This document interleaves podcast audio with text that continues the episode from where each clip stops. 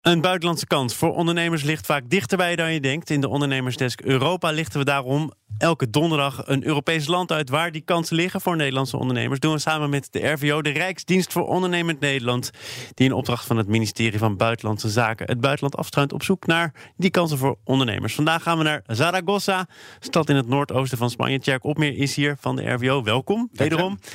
Want in Zaragoza hebben ze een Nederlandse hobby. Niet zeilen, maar wel Fietsen. Oké, dus daar zou je dan van kunnen zeggen... dat is hartstikke mooi. Je kunt ook zeggen, een fiets is een fiets. Dat kunnen ze in Spanje toch ook wel voor elkaar krijgen? Ja, dat klopt. Ja, nee, nou, Spanje is natuurlijk een, een, ook een heel eh, belangrijk land voor, voor Nederland. Heel veel kansen op het gebied van, uh, van, van water, agrifood, et cetera, maar ook in smart cities. En een onderdeel van smart cities is dat je ook bijvoorbeeld duurzaam transport zoekt, dus bijvoorbeeld fietsen.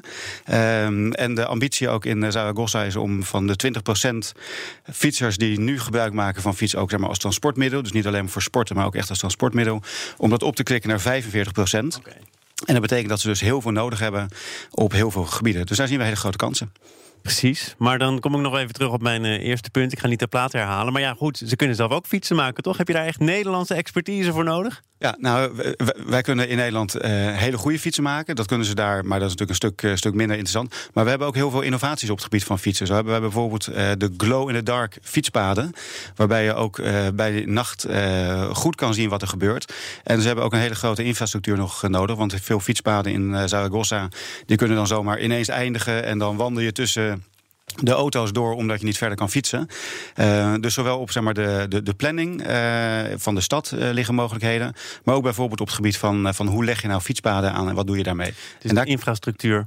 Een belangrijk deel. Zijn ze daar ook al klaar voor de deelfiets?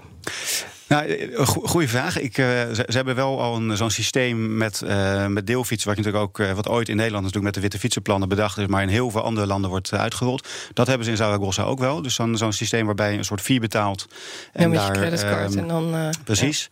Ja. Um, dus op het moment als daar ook nog nieuwe innovaties in zijn, bijvoorbeeld op het gebied van elektrisch fietsen, dan zou dat ook een mogelijkheid zijn.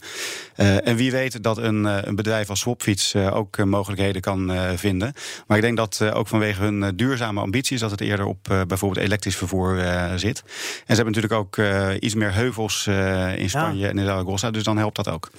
En je zei het al, ze willen van 20 naar 45 procent. Dat is een enorme sprong die ze moeten maken. Dus uh, daar kan iedereen aan bijdragen. Of heeft het er ook mee te maken hoeveel je dan kunt leveren? Want zeg maar steeds meer kleine projectjes waar je dan mee in zee gaat. Dat is misschien niet zo efficiënt. Willen ze één stabiele grote partner die dan mogelijk uit Nederland komt? Of wat verwacht je daarvan? Nou, op, die manier, zo scherp hebben ze nog niet. Ze zijn in, uh, in, in Spanje bezig met een, een groot, groot plan. Wat in 2019 ook uit gaat komen om zeg maar, de, de, de hele fietsinfrastructuur zeg maar, verder te, te vergroten. Uh, daar zijn nu nog geen budgetten bij bekend, maar er zijn ongetwijfeld ook forse investeringen bij, uh, bij zijn. En omdat we daarop kunnen inspelen, dan uh, liggen daar voor ons mooie kansen. Maar er zal toch ook een soort van samenwerkingsverband moeten komen, want die fietsen moeten ook onderhouden worden, gerepareerd, al dat soort zaken. Ja, die, uh, daar zien wij dus ook inderdaad de mogelijkheid voor, voor partijen die bijvoorbeeld op het gebied van onderhoud uh, dingen doen. Uh, dus ik denk dat afhankelijk van hoe dat, hoe dat plan er precies uit gaat zien, dat daar dus ook de, de kansen liggen om op heel veel verschillende vlakken, ofwel grootschalig, ofwel voor kleinere ondernemers, mogelijkheden te vinden.